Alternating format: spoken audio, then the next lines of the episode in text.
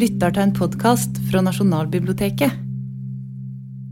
Bare spor av en rev skvettet hen over gnistrende sne, og så røk fra en rødmalt stue. Ellers ikke et minne om liv er at se. Jo, et blånende skifar innunder, hvor skigardens topp stikker frem. Ellers urørt sne under marssolens lue, og i solbrann mot blået en skogås mørkgrønne brem. Og jeg stanser og retter på remmer og ryster mitt drivvåte skjørt, som jeg stupte på hodet i svingen, og jeg brenner, og ikke en trevl av mitt tøy som er tørt. Mens jeg hviler mot staven og lytter og stirrer en stund. Ikke lyd, ikke liv, her er ingen. Jeg er ensom, lykksalig alene til sjelens innerste grunn. Vesle asp, bort med gjerdet, i dag er jeg ensom som du. Med din kjølige sol på din grågrønne stamme, og vi drikker om kapp av det friske og frostklare nu. Er du glad, mon som jeg, det er vinter og lenge til vår. Herregud, for alt levendes lodd er det samme. Under vårhimmelens blå setter duftende løv som blir gult og forgår.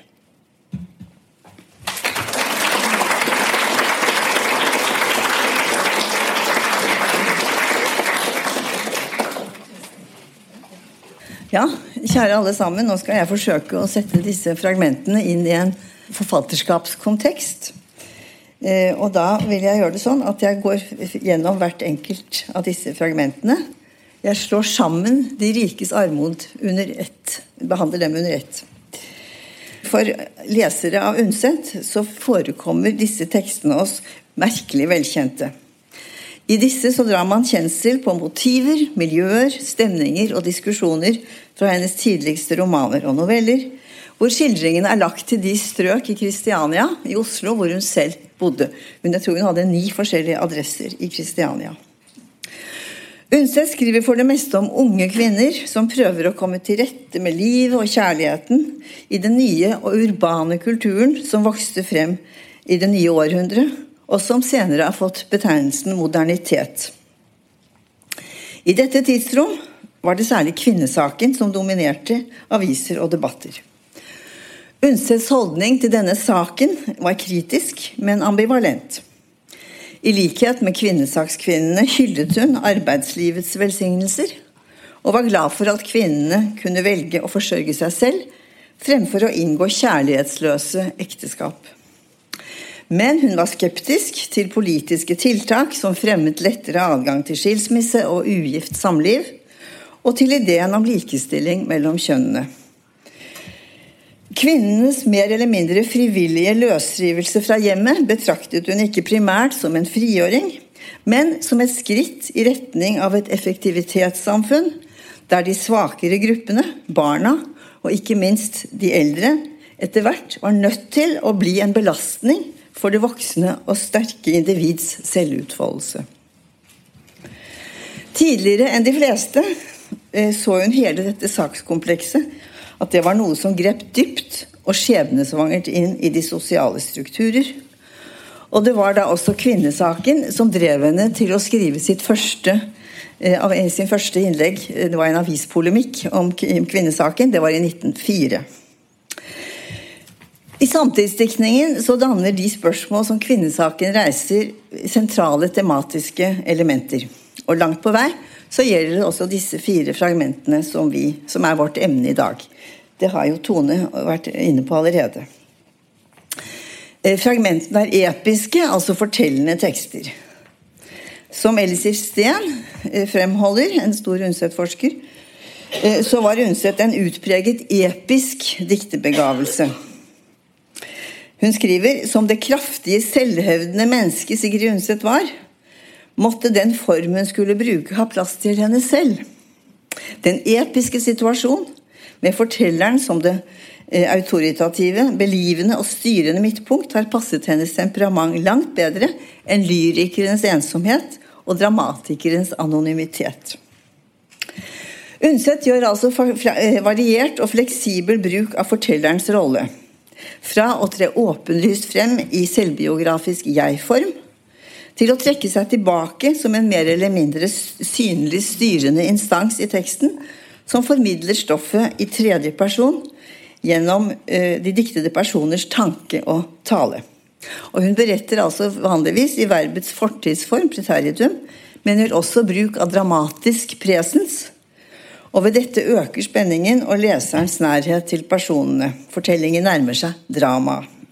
I fragmentene finner vi alle disse ulike fortellergrepene representert. Nå begynner jeg da med Mathea-fragmentet, som er altså det største fragmentet. Og etter mitt skjønn kanskje det mest interessante. Eh, dette kan karakteriseres som en portrettstudie av den 20-årige Mathea, fortellingens hovedperson. Teksten gir holdepunkter for at handlingen utspiller seg i de første årene etter århundreskiftet 1900. Altså ca. ti år før nedskrivingstiden. Hvis vi tenker oss at hun skriver i 1910, så legger hun handlingen tilbake til de første år etter århundreskiftet. For da var Sigrid Undset selv på samme alder som Mathea. Og dette sammenfallet er neppe tilfeldig, for det er visse likhetstrekk mellom den fiktive skikkelsen Mathea og den unge Sigrid Undset. Noe som tilfører dette fragmentet en særskilt personlig kan vi si, dimensjon. Fragmentet, Nå har vi hørt veldig mye om skitur, og det skildrer altså moderne unge, ungdom i Kristiania i 20-årsalderen. En privilegert gruppe av selvbevisste studenter og sporty unge damer. Det er veldig sporty og moderne å gå på ski, det er kjempetrendy. Og de gjør ikke bare det, de snakker sjargong, rampete sjargong, og de røyker sigaretter, og de er veldig kule folk. I sentrum står professordatteren Mathea Askerud. Omkranset av sine to brødre Kåre eh, og Leif, og vennen Ove, som hun er vilt forelsket i. Forelskelsen er ikke gjensidig, og mye plass er viet Matheas utilfredsstilte kjærlighet og lengsel etter Ove. Eh, men Mathea vil gjerne studere medisin. Det får hun ikke lov til av faren, og så må hun fortsette å bo hjemme hos foreldrene. Det er, det, det er handlingen i dette fragmentet. I grove trekk. Teksten starter med å signalisere dette med ski. Det er altså det moderne og frigjorte i ungdomskulturen. Men også Matheas underlegne posisjon i forhold til brødrene. Den åpner altså in medias res, midt i skiløypa, så å si. Og vi har jo fått den opplest. Dette er den replikken. Ja, nå her kommer du til å dette litt faderkjerring, så sier han da tøft og setter utfor. Eh, og så var borte var han. I neste øyeblikk så kommer Mathea inn på scenen, og stillferdig med vidåpne sanser for naturen og dens skiftende uttrykk. Så nå går altså fokaliseringen, eller synsvinkelen, over til Mathea. Og leseren gis adgang til hennes tanker og hennes følelser og drømmer. Tankereferatet blir denne tekstens mest dominerende fortellerform. Ingen av de andre personene i teksten får slippe til med sitt indre liv. De blir skildret utenfra, med større eller mindre ironisk distanse. Dels av Mathea selv, og dels av fortelleren. Disse to perspektivene de glir over i hverandre og tydeliggjør at forfatterens fulle og hele sympati ligger hos Mathea. Altså hun er på parti med sin hovedperson. Det er hun ikke alltid. Eh, skituren som foregår en søndag formiddag på senvinteren Det er sånn kjent på denne årstiden, så dette passer veldig bra. Eh, og Det etterfølges da av en trivelig søndagsmiddag i professorhjemmet, hvor Ove også er gjest.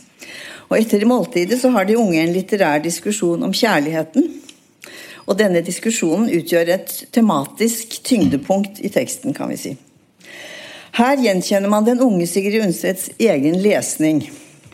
Broren Kåre, Matheas bror Kåre, leser Lakstøla-saga og er betatt av middelalderens nådeløse og skjebnetunge syn på kjærligheten.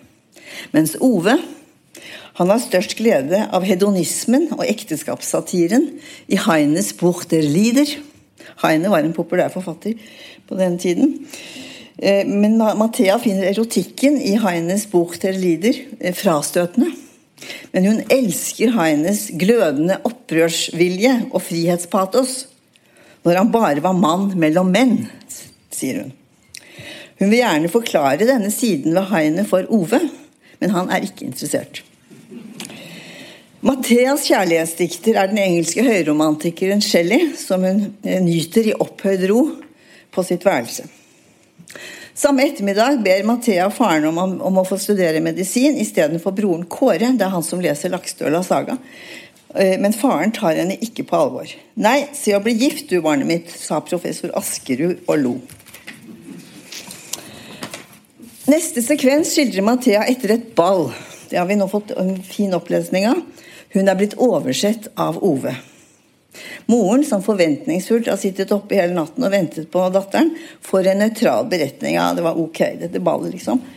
Men etter at hun er gått ut av rommet, så får Matheas fortvilelse fritt utløp. Og Avslutningsvis så forteller da denne historien om Leif, den andre broren, han er løytnant, om hans forlovelse. Mathias syns broren oppfører seg latterlig og finner det pinlig at han så åpenlyst kjeler for sin kjæreste. Imidlertid så har hun et bedre forhold altså til Kåre. Han studerer filologi med liv og sjel, og har store vyer om fremtiden. I hans idealisme speiler Mathea seg selv. Han skulle bare ane hvor hun forsto det ut og inn.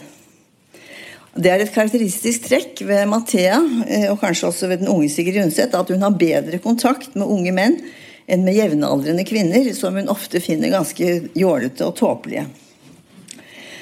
Eh, når hun ikke får studere medisin, så vil hun gjerne få en jobb som kontordame, og lærer seg derfor stenografi. Men for foreldrene er lønnet arbeid ikke fint nok. Mathea skal gå i huset. Likevel er hun for fin til å gjøre husarbeid. Hennes eneste alternativ er å perfeksjonere seg i den typen ferdigheter som på Camilla Colletts tid ble kalt for fruentimernettheter. Det var å male De står jo i vannfarve og, og klimprer litt på gitar. Så fragmentet toner da ut i Matheas resignasjon over sin kvinneskjebne. Så hadde, ikke, grunnen, så hadde hun i grunnen ingenting å gjøre annet enn å øve på pianoet og brodere. Eh, så eh, går jeg da inn, litt mer inn i forfatterskapets kontekst. Som for professordatter så hører altså Mathea hjemme i Kristianias øvre middelklasse og lever i romsligere økonomiske kår enn de typiske Undset-heltinnene. De er fattige og foreldreløse, og de må spinke og spare. Man stusser imidlertid over at den meget navnebevisste Undset har gitt Mathea, Matheas far, eller Mathea, et så lite skal vi si, kondisjonert navn som navnet Askerud. Eh, jeg har sjekket med professor Kristoffer Kruken om dette navnet, og han eh, har undersøkt det. Og det signaliserer da at professoren kommer fra landet, og ikke fra noen storgård heller. Også fruen, eh, fru Askerud, blir skildret av Undset. Hun kommer også fra et bondemiljø. Og om henne heter det litt puss, ganske pussig. Sitat. Man merket fort på fru Askerud at hun var fra landet. Hun var stor og lys og tykk, og tok seg staselig ut. Man kan altså spekulere på om det ligger en klassereisemotiv eh, i denne historien om professor Askerud og frue. Men teksten gir ikke noe grunnlag for det. Noe ytterligere grunnlag for det. Den gir altså heller inntrykk av at atmosfæren i dette professorhjemmet er konservativ og, og spissborgerlig. Imidlertid skildres Mathea som en klok, kritisk, klartseende og kunnskapsrik ung dame. Og i dette er hun på linje med de skarpe og kritiske Undset-heltinner, som Edele Hammer, Jenny Winge, Unni Hirsch og Rose Wegner. En gruppe kvinner som danner en slags elite i Sigrid Undsets samtidsdiktning. Med disse kvinnene deler Mathea også dyder som arbeidsglede og vilje til selvoppofrelse. Men hun hører altså allikevel ikke hjemme i denne gruppen. For mens elitekvinnene er høye, vakre på en stilig og nærmest aristokratisk måte, så er altså Mathea kortvokst, kortbent og korthalset. Tettbygget, vi har hørt sitatet. Hun har vakre, grå øyne, men grove trekk. Alt dette har vi fått opplest. Så hennes lodd i livet er å være den kvinne som ikke blir lagt merke til, og ingen mann blir tiltrukket av. Illusjonsløst innser hun at hun var av dem man aldri så på, og at Ove ikke engang vet hva farve hun hadde på øynene. Denne erkjennelsen, Mathea er en realistisk dame, er desto mer smertefull siden hun allerede er i lidenskapens vold. Hun er ikke blant de Undset-heltinner av typen Jenny som går og venter på den mannen hun må elske. I den vidløftige Ove har hun allerede funnet ham. Jeg elsker deg fordi jeg må, fordi det er kommet meg inn i mitt kjød og blod og, nei, i mitt kjød og blod og kropp og sjel. Mathea brenner etter å bli hans elskerinne og hengir seg til hemningsløse, tabuerte, erotiske fantasier. Men for Ove kan hun aldri bli noe annet enn en god venn. På det ovenfor nevnte ballet så erfarer hun at hun er sjanseløs. Ingen har så vakker og kostbar kjole som Mathea. Og Ove komplimenterer henne for kjolen. Men han ser bare de vakre og viltre ungjentene som med Lizzie i spissen stiller opp i sine billige, tarvelige kjoler. Når han danser med Mathea, er det enten av plikt eller fordi han trenger et hvileskjær. For sitat, Lissi er så gu anstrengende. Mathea ville for alt i verden være blant en av de anstrengende. Men for henne er det umulig å være som, de, som dem. Sitat, tøvet, søt, hyggelig, kokett, utekkelig, dum. Hun vet godt at hun fremstår som fornuftig og tekkelig, og kaller det noe fordømt kjerringsludder. Med innvendig jubel tenker hun på sine forbudte fantasier, på hva hun drømte og hva hun ønsket. I Matheas tankemonolog gir Undset uttrykk for følelser og erfaringer hun kjente fra seg selv da hun var på Matheas alder. I et brev fra 1902 eh, skriver hun til sin pennevenninne Dea Forsberg om sin manglende evne og manglende vilje til koketteri. Sitat. Jeg kan smile smukt, men latter skjemmer meg, og danse kan jeg simpelthen ikke. Å kokettere, bruke øyne og den slags ville simpelthen kle meg avskyelig. I et annet brev morer hun seg over hvor tekkelig og bluferdig folk oppfatter henne. Som når sjefen på kontoret under et uttaler sitat, at frøken Undset var så uskyldig at han ikke turte si faen når hun hørte på det. Undset var klar over at hun kunne, selv kunne ta seg godt ut og vekke menns beundring, men hun hadde en særskilt ømhet og forståelse for kvinner av Matheas type. De som gjerne vil elske og bli elsket, men som pga. et uheldig ytre blir nektet den elskov de higer etter. En slik kvinne er Lucy Snow i romanen 'Villette' av Charlotte Brontë, som var en av Undsets yndlingsforfattere. Lucy er den unge piken, skriver Undset, hvis hjerte og sjel hadde styrken til å bære den deiligste kvinnes stormfulle skjebne.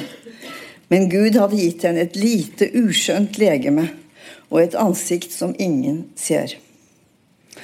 Undset leste Brontë fra ung alder, og det virker sannsynlig at Villette kan ha vært en inspirasjonskilde for hennes såre skildring av Mathea og hennes lidenskap. Undset karakteriserte romanen, den romanen Villette som den veldigste bok som noensinne er skrevet av en kvinne.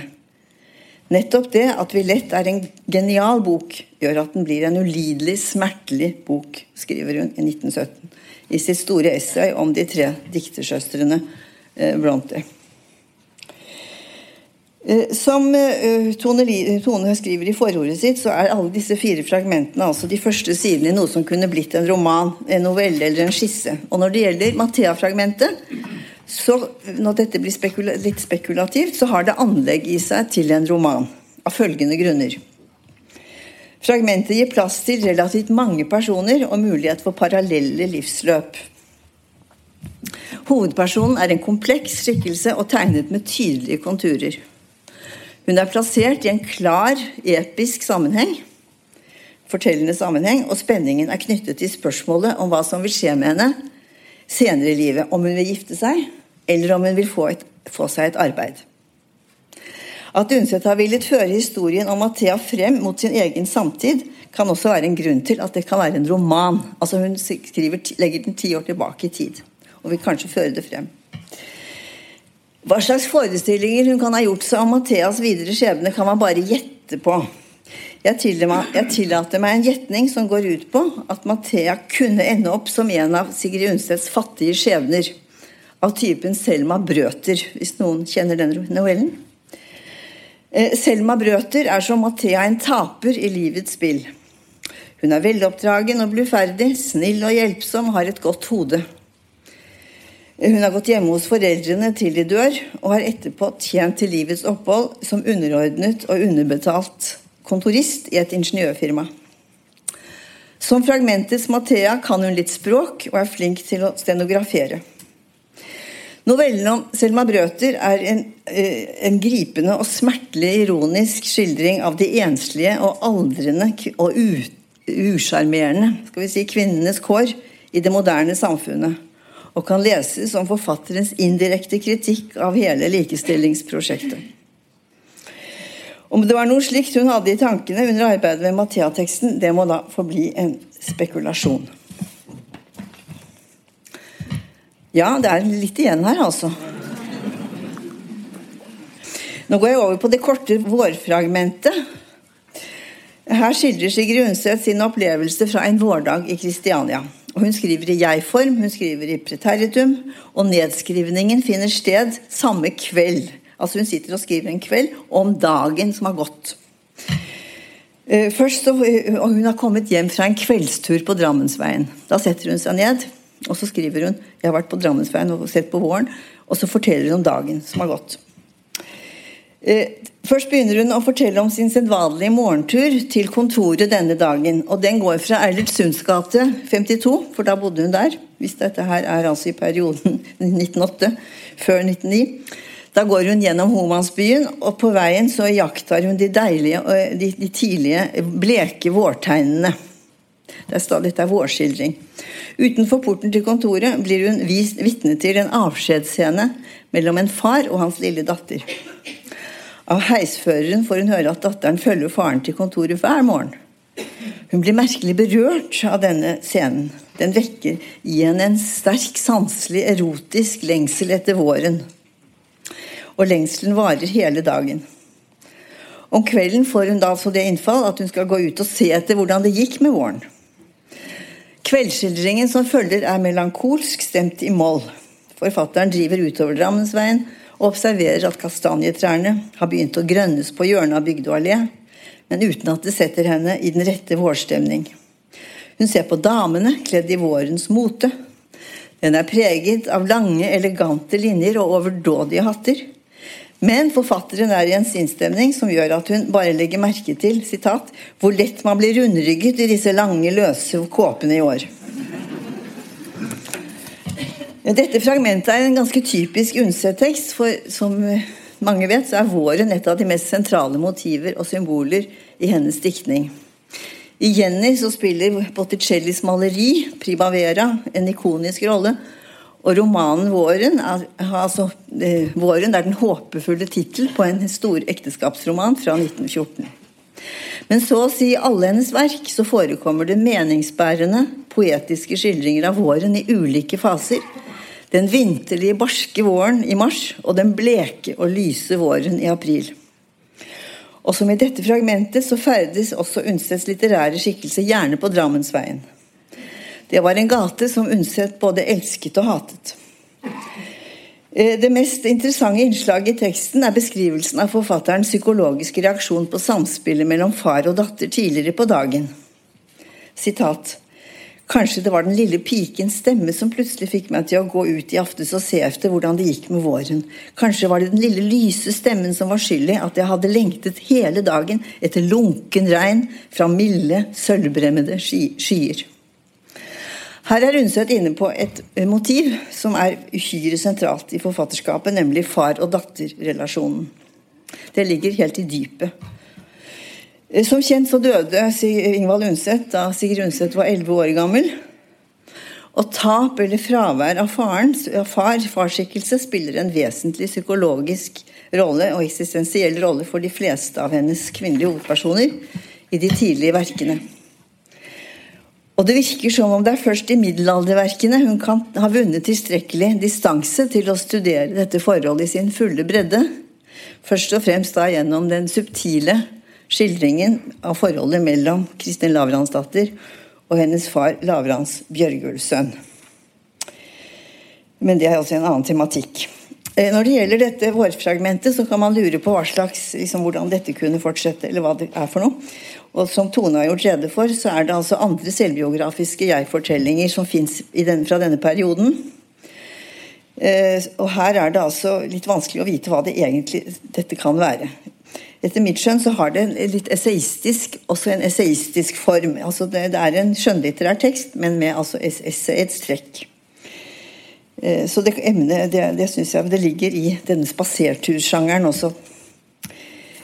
Eh, og den eh, essay, I den type essay så er det ofte slik at essayisten først og fremst skriver om seg selv. altså Det er selvreflektivt, selvreflektivt sånn som her. Så det er et essayistiske trekk også som preger denne lille, korte teksten. Og så over til da De rikes armod, som er altså i to versjoner, som er det siste jeg skal snakke om. Eh, disse to utgjør da to ulike versjoner av den samme fortellingen om litteraten og oversetteren Knut Hole og medisinerstudenten Dorothea og deres kjærlighetsforhold. Som i Mathea-fragmentet så diskuteres kjærlighet, kvinnesak og kvinners eh, drøm om legeyrket. Men mens Mathea-fragmentet skildrer en ung kvinnes ulykkelige og ugjengjeldte kjærlighet, så, dreier de rikes armod seg nesten motsatt om et lykkelig kjærestepar som i hemmelighet praktiserer såkalt fri kjærlighet. Fordi Knut og Dorthea ikke er gift, kan de bare være sammen i korte, stjålne stunder, og det er et slikt hemmelig stevnemøte begge disse fragmentene forteller om. Det finner sted på Knuts hybel en iskald vinterkveld, vi har fått det også opplest derfra, med tett snedrev, og Dorthea har klart å komme seg hjemmefra noen timer. I likhet med flere av Undsteds unge kvinner i samtidsverkene, så bor hun hos en tante, her heter hun altså Mikka, og er lærerinne og gammel kvinnesakskvinne.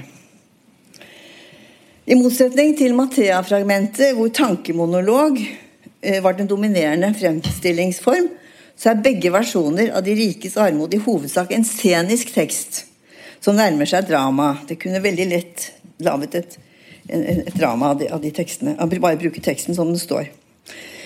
Eh, fragmentene er holdt i dramatisk presens, og de er dialogiske i formen. Dialogen føres av de to elskende mens de kysser og kjeler og koser, halvveis liggende i hverandres fang. Andre personer er ikke med i teksten. Eh, jeg har kalt dette innlegget etterordet for uh, høyhælt, hva er det jeg har kalt for noe? røde silkesko og medisinerstudier, for nå kommer vi til de røde silkesko, som jeg tror er viktig, et viktig innslag i teksten. Begge versjoner starter med beskrivelse av Knuts hybel. Og den en, denne beskrivelsen har jo en dramaturgisk funksjon, sånn, samme type som Ibsens sceneanvisninger har.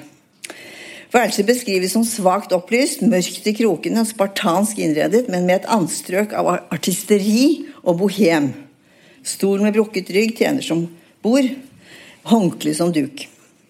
På det provisoriske bordet kommer det nøtter, druer, spansk landvin i ølglass. Det er ukonvensjonelt. Knut tenner et lys og stiller det bak skjermbrettet ved sengen, og fra skrivebordsskuffen henter han frem et par høyhælte, røde silkesko og setter dem til rette ved gyngestolen. De skal pryde Dortheas føtter når han har fått henne av, de, av henne de våte vinterstøvlene. Altså, Røde sko det er et veldig gammelt og flertydig symbol for kulturell, sosial og seksuell makt. Det er skrevet en god del om dette. Det står i notene, så man kan lese. Jeg kan ikke gå inn på det nå. Som litterært motiv så ble det kjent gjennom H.C. Andersens eventyr 'De røde sko'. Eh, hvor altså skoene symboliserer driftslivets makt over den unge karen. Med de røde sko på føttene så, så, tvinges hun til å danse seg fra sans og samling og inn i døden. Det er altså et eh, nokså illevarslende symbol, disse røde skoene. I Undsets fragment symboliserer de røde silkeskoene imidlertid Dortheas seksuelle frihet, narsissisme og begjær. Men det gir også et tvetydig signal om Knuts egenskaper som forfører, når han har gjemt et par røde silkesko i en skuff som han trekker på henne og sier ja. Så det er, etter mitt skjønn så er det litt tvetydig. Eh, selv om, selv om situasjonen og hovedtrekkene i handlingen er de samme i begge versjoner, så er det tydelige forskjeller mellom én og to. Bl.a. når det gjelder rollefordelingen mellom de to aktørene. I versjon 1 opptrer paret hele tiden sammen. I versjon 2 skildres Knut alene på hybelen. Han venter utålmodig og nervøst på Dorthea, som av trivielle grunner kommer en time for sent.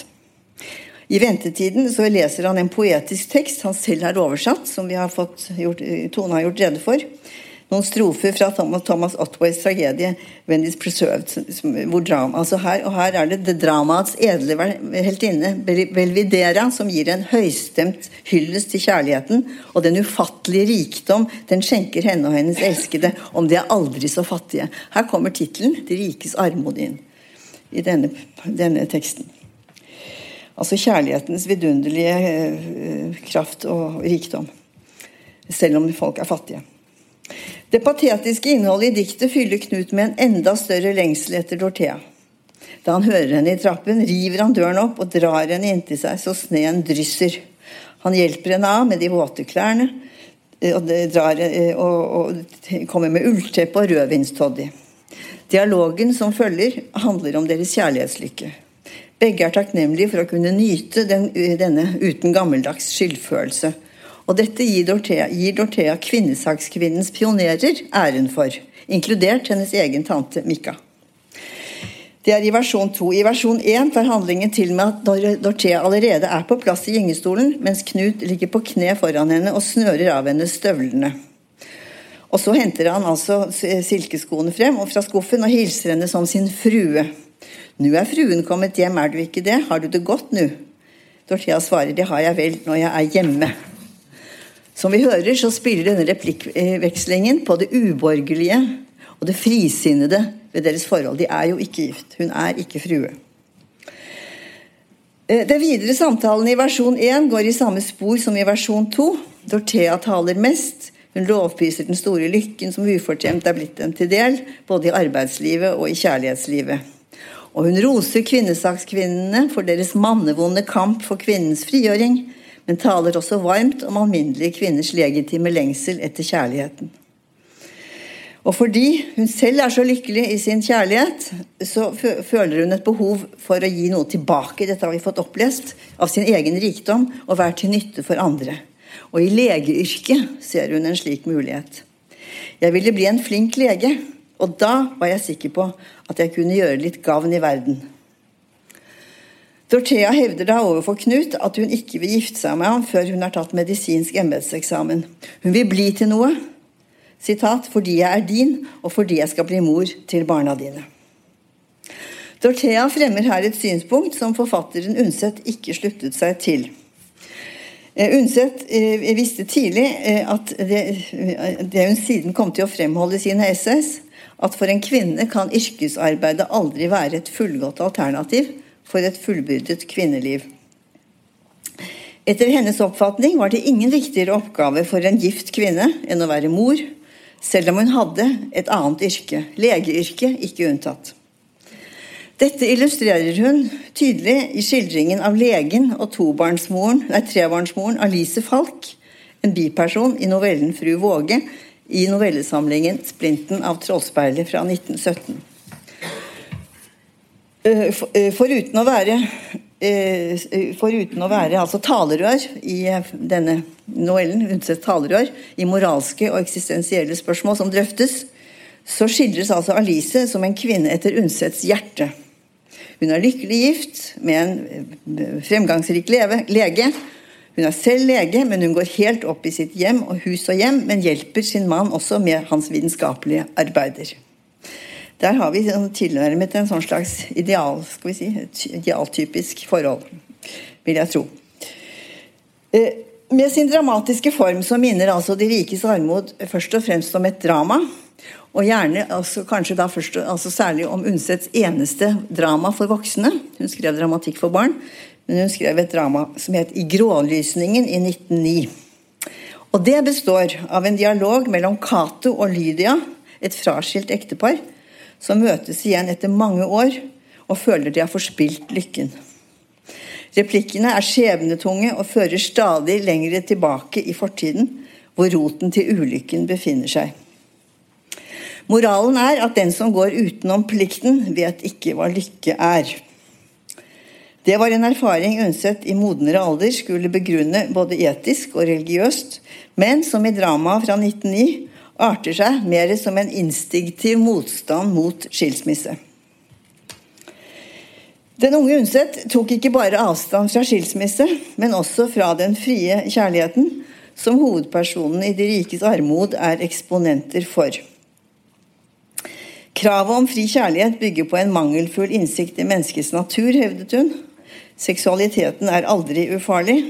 Alt snakket i samtiden om kjærlighetens rett og naturens skjønne lov betraktet hun som ønsketenkning. I Det rikes armod kommer denne kritiske holdningen indirekte og intertekstuelt til uttrykk i form av noen slående likhetstrekk mellom fragmentets versjon 2 og en avgjørende passasje i undergangsromanen 'Jenny' fra 1911. Når Knut, den elskeren til Dorthea, låser døren etter henne, stuller med henne som med et barn og kaller henne 'lille pike', så lyder et ekko fra den uhyggelige forførelsesscenen i begynnelsen av romanen Jennys tredje del, da Jenny gir etter for den aldrende Gerts eh, begjær. Eh, hvis dere husker den scenen, så er den nokså parallell til disse, disse fragmentene i Rikes armod. Stemningen er i begge tekster den samme. Sentimental, lett dekadent. Jenny har, i likhet med fragmentet Stortea, sneket seg oppover trappene til et hemmelig stevnemøte på sin elskers hybel. Og mens forføreren Knut har forberedt Dortheas besøk med druer og vin i ølglass, har den mer sofistikerte forføreren Gert satt frem utenlandske moreller og vin i krystallkaraffel til sin elskerinne. Du unge, deilige Jenny Liten. Som skjønnlitterære tekster er disse fragmentene i De rikes armod det er vanskelig å ta stilling til, syns jeg. I begge versjoner er det episke elementet redusert til et minimum. Tekstene består nesten bare av talehandlinger og står dramaet nærmest.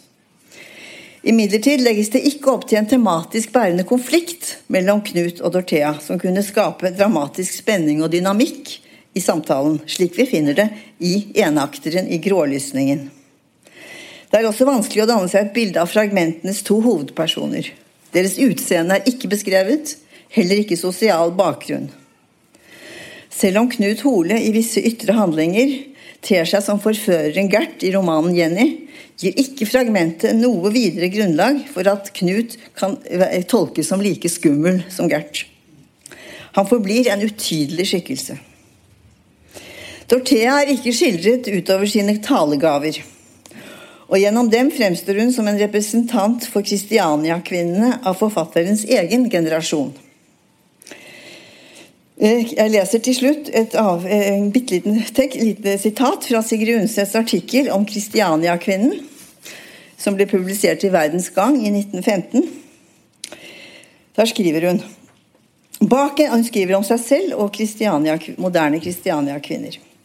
Bak en forskansning av sjargong om hvis tekkelighet det kan være berettiget å ha delte meninger, levet vi i en redsel for å synes sentimentale og troskyldige. For alt vi drømte og følte av ungt og varmt, kunne vi aldri finne en ikledning som var tilstrekkelig skreddersydd. Og gråmelert og klampestøvlet. Ja, de fremmeligste satte like gjerne litt benning på som skobesparere. Vi skulle jo stå på egne ben, alene og uten noe menneskes håndsrekning, erverve oss det fornødne til livets både materielle og åndelige nødtørft og næring. Da passet ikke dansesko, skriver hun. I denne uttalelsen gir hun altså uttrykk for sine egne erfaringer som ung Kristiania-kvinne i moderniteten. Og som vi hører, skriver hun ikke bare på vegne av seg selv, men like mye på vegne av de litterære ungpikeskikkelsene sine fra årene før første verdenskrig, og herunder altså fragmentenes Mathea eh, og Dorthea. Takk for oppmerksomheten.